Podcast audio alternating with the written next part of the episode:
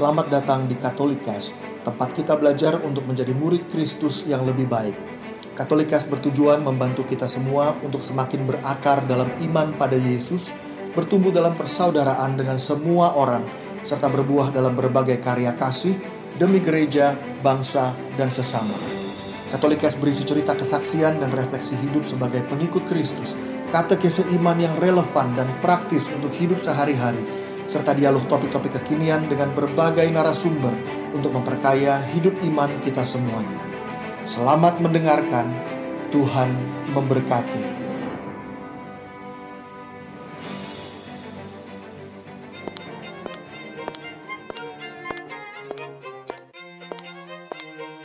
Sepatu kaca, wake up princess. Halo apa kabar? Sekawan juga. Halo. Di sini ada Lia, ada Anas, ada Afi, Cencen, sama Yurika. Kami hadir kembali. Yuk ngobrol-ngobrol sekarang. Hmm, pandemi nih, udah mau, aduh ngomongin pandemi melulu ya. Mudah-mudahan nggak pada bosan. Tapi emang emang masih pandemi kan nih kan ya masih situasi masih kayak begini ya. Eh, kemarin saya lagi mikir-mikir. Ini selama pandemi eh, hampir 8 bulan ya. Hampir 8 bulan eh, kira-kira nggak tahu ya. Saya sih ngerasa tuh naik turun banget tuh ya emosi. Eh, galau terus udah gitu ntar galau ntar resah gitu Eh, tapi nggak tahu kadang-kadang mesti gimana gitu eh galau sama resah bedanya apa ya Beda lah, beda ya Beda kan. beda. sih agak beda. Gimana sih neranginnya ya ada yang mau bantu gue nerangin nggak ya? Galau sama resah Em, kan kalau oh iya. Gue yang sering galau mungkin. Gue yang terangin kalau galau itu biasanya ada em, ini kan sering banget dipakai istilah ini sama anak muda sekarang ya. Sama ABG sekarang itu sering banget pakai "Eh, gila. Gue galau banget nih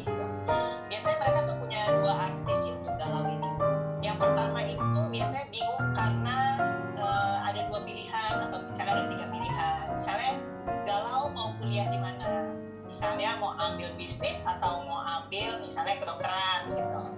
Galau misalnya hmm, mau pilih cowok yang mana?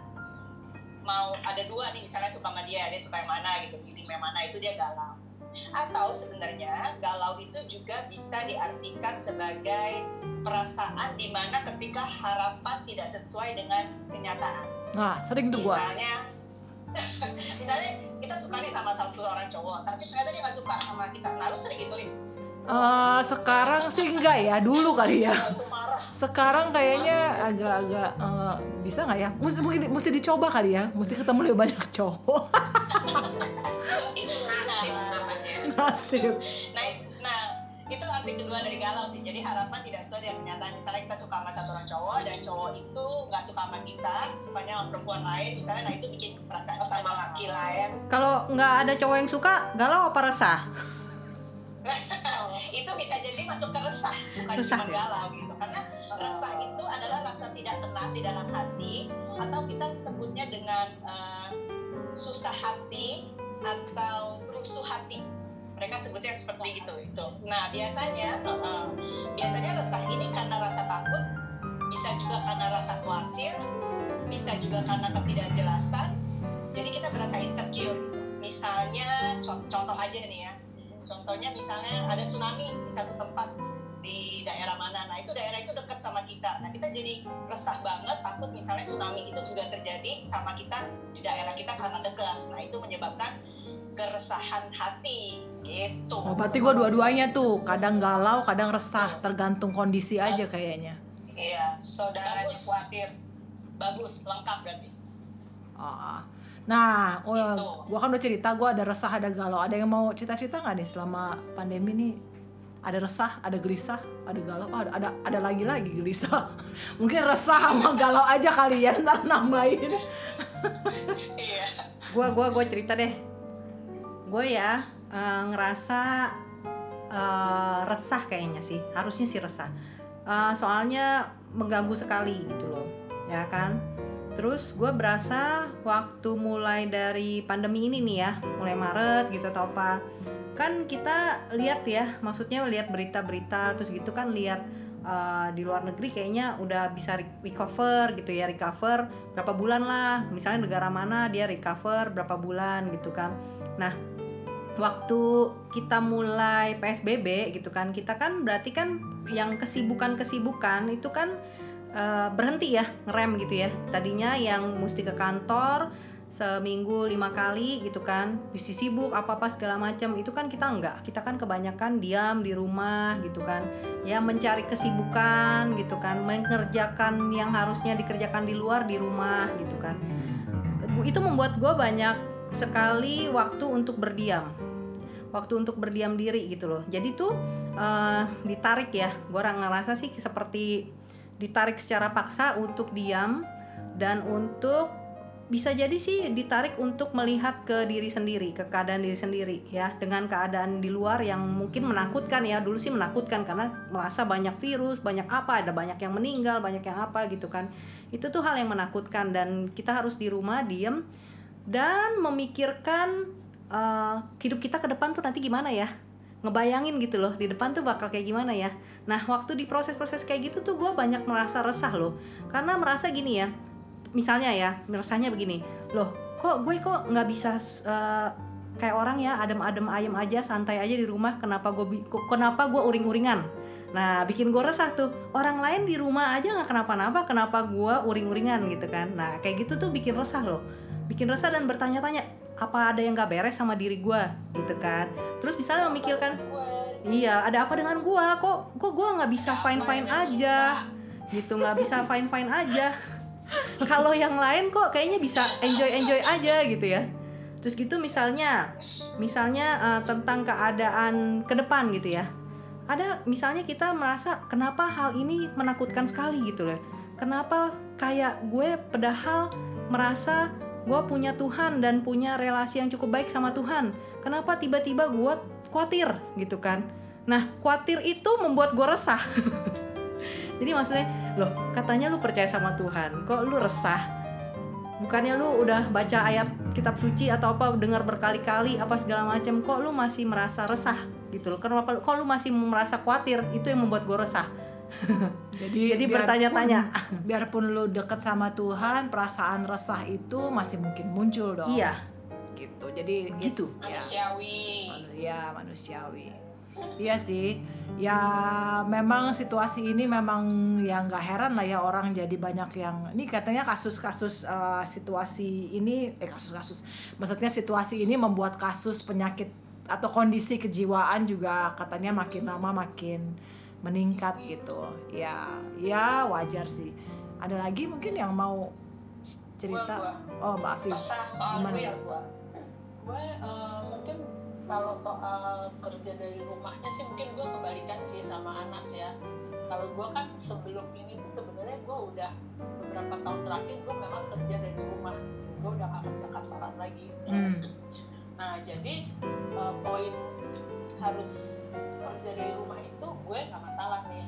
Awal-awal tuh gue masih masih survive lah. Gue pikir WFH ya udah gue beberapa tahun sudah gue jalani gitu kan. Hmm. terus kemudian eh, nah begitu masuk ke satu habis itu satu bulan lewat gitu kan. Nah gue akhir kalau gue terjebak gue terjebak ya gue akhirnya masuknya tuh lebih ke dalam situasi kekhawatiran gitu ya eh, kekhawatiran karena gue kan ada usaha penginapan tuh di rumah ya.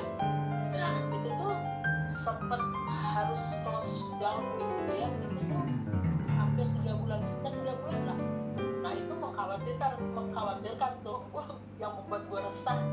Habis khawatir gue resah gitu. Karena kan gue gue ada staff gitu ya. Ada ada orang yang kerja gitu sama sama kita. Kemudian eh, udah gitu tetap harus digaji. Waktu gue sempat mikir-mikir ini dikurangin apa disuruh stay ya? Tapi kalau disuruh stay juga nggak ada pemasukan sama sekali gitu bener-bener close down gitu kan. Sedangkan di samping itu tagihan-tagihan itu kan jalan terus ya nggak ada bisa Iya. tagihan. Iya betul. wah itu udah mulai panik tuh. Eh, mulai panik. Nah itu eh, kemudian ya itu bener-bener cuman bisa guanya ikut eh, ini ikut udah lumayan ngedrop gitu ya maksudnya eh, resahnya tuh mungkin ini gimana sih mau sampai kapan gitu kan bener-bener yang yang membuat gue resah adalah karena ini tuh nggak ada ujungnya gue nggak tahu Hmm. ujungnya gimana gitu Betul. Iya. ya kan soalnya kan di tempat di negara-negara lain yang udah duluan itu ya udah ada yang udah ada yang uh, open udah nggak lockdown lagi eh tapi tiba-tiba di tempat lain ada yang ya drop lagi yang uh, lockdown kedua begitu sampai kapan ya gitu kan nah sampai akhirnya sebenarnya setelah tiga bulan itu setelah tiga bulan uh, close down gua akhirnya udah boleh buka lagi kan Hmm. Cuma buka lagi juga gue dengan kecemasan juga kan mau buka tapi ini lagi lagi pandemi Hmm. ini nggak se- belum selesai kan Iya. Takut ketularan juga ya mbak ya. iya masih Hmm. proses lagi Hmm. nah terus tanggung gue dari mana masa mau harus gue suruh Swab. yang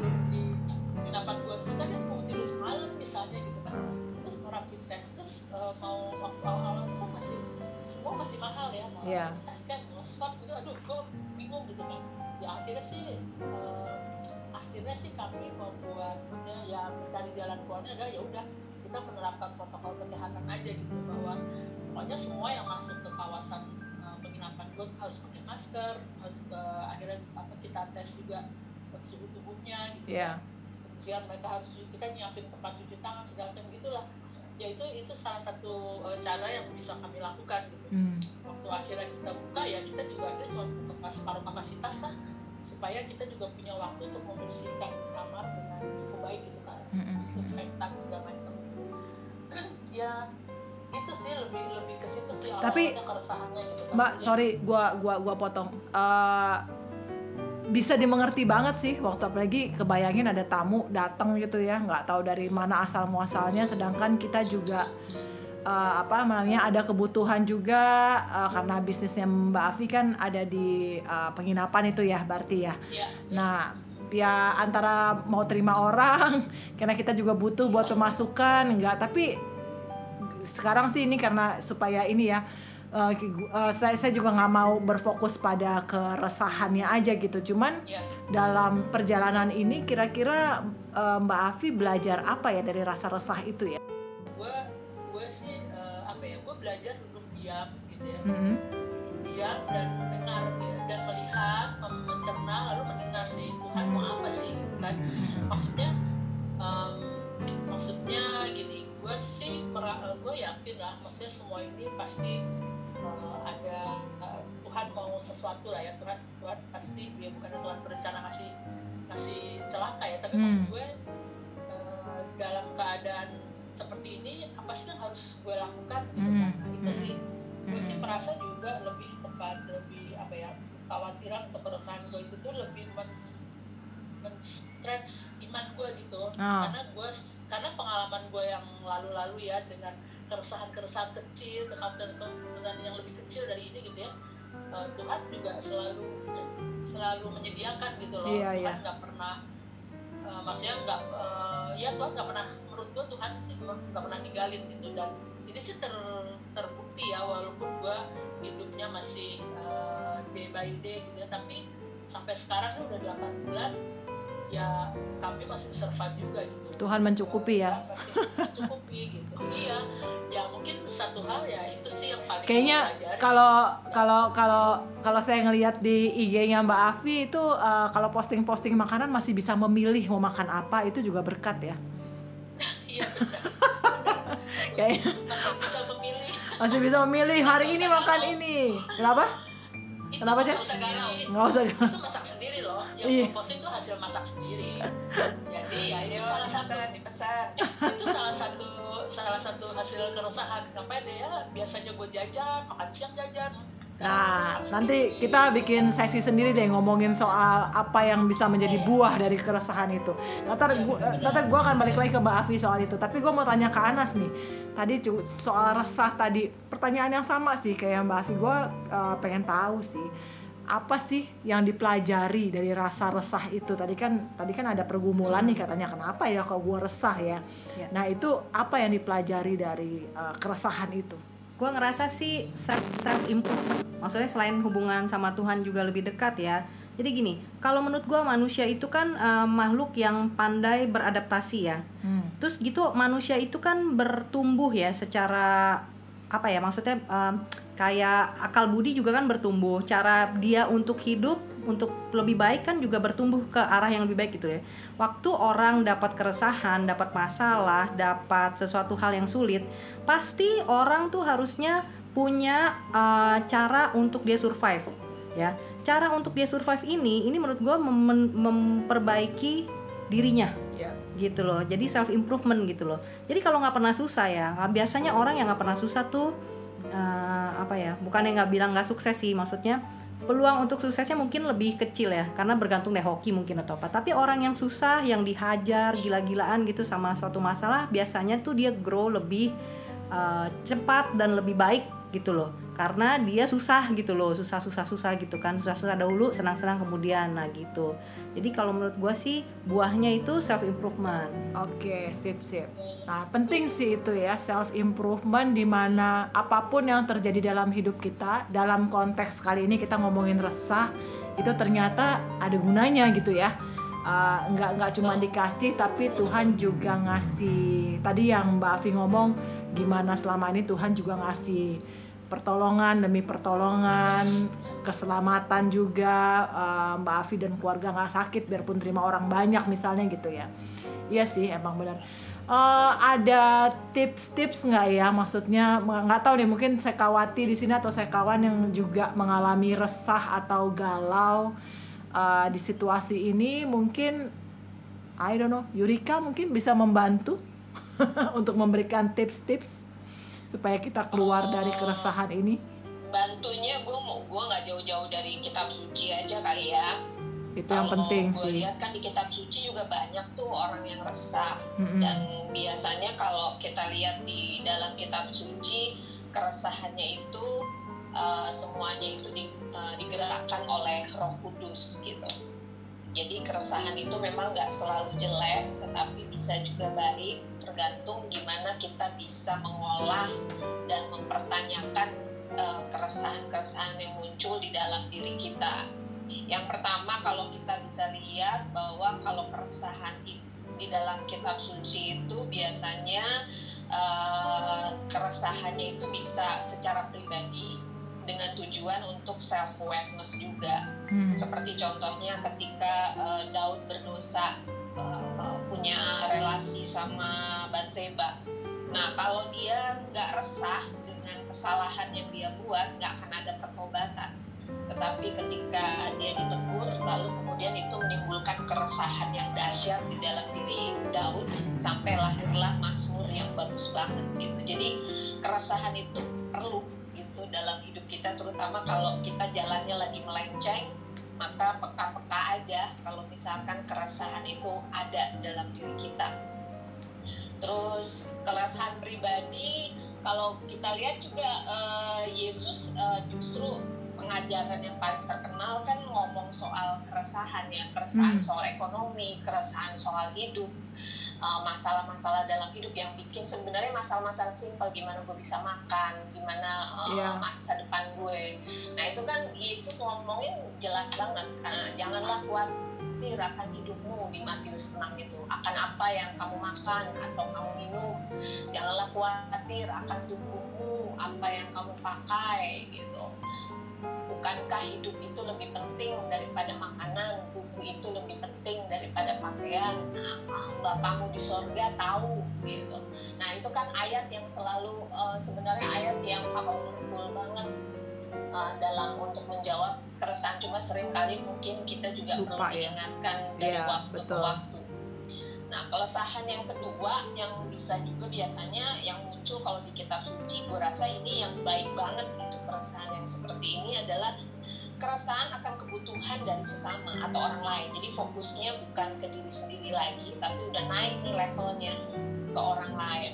Di mana keresahan ini kalau misalkan dia menjawab itu akan membawa kemuliaan buat Tuhan yang lebih gede gitu Hmm. kalau kita balik ke Daud ya ketika dia melihat pasukan Israel kalah dari orang Filistin itu Daud resah tuh gila ini pasukannya Allah kok bisa ditakut-takutin kayak begini bisa pada ngumpet semua. Nah Iya. kegelisahan ada tuh di dalam hati dia yang membuat dia punya reaksi gitu.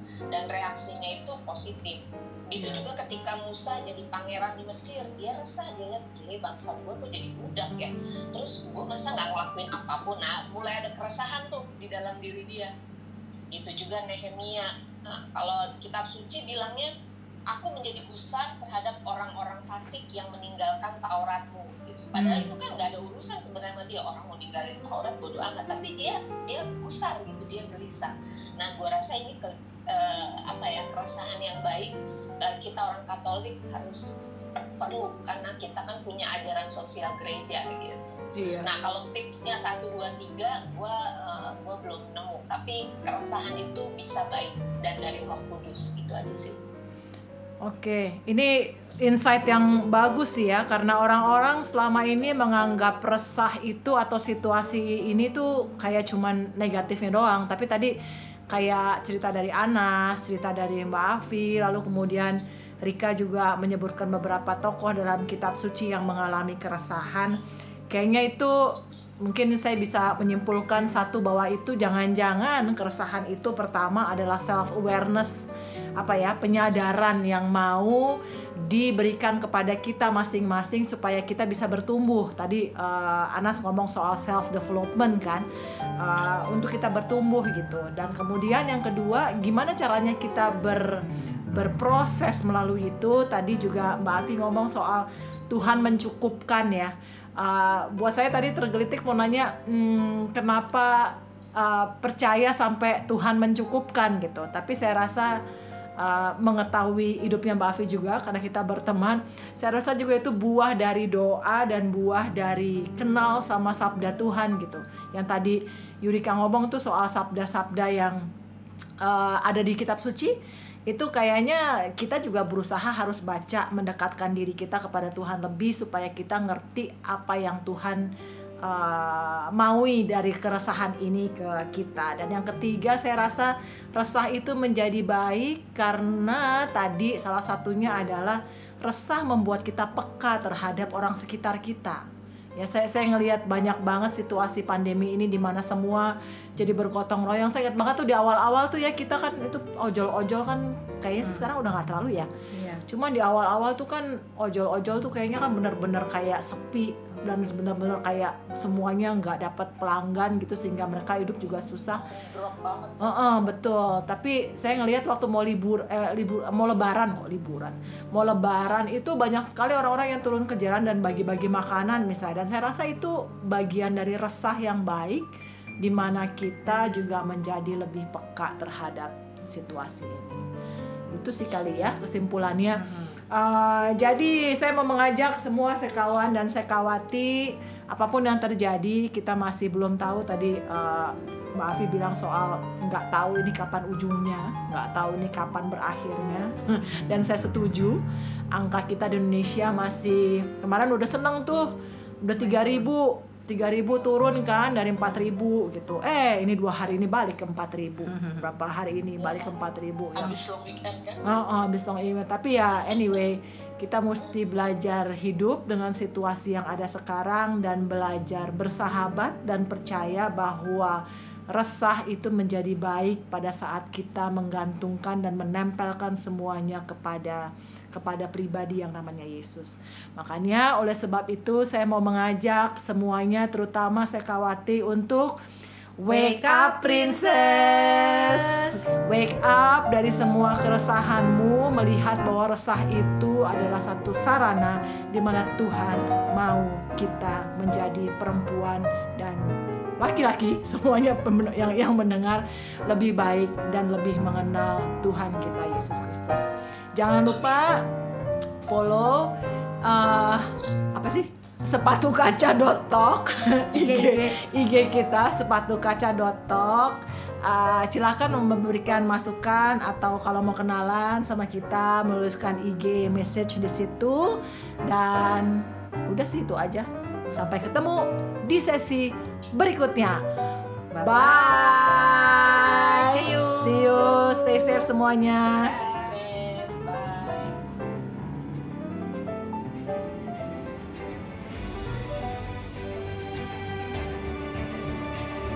Terima kasih telah mendengarkan podcast ini.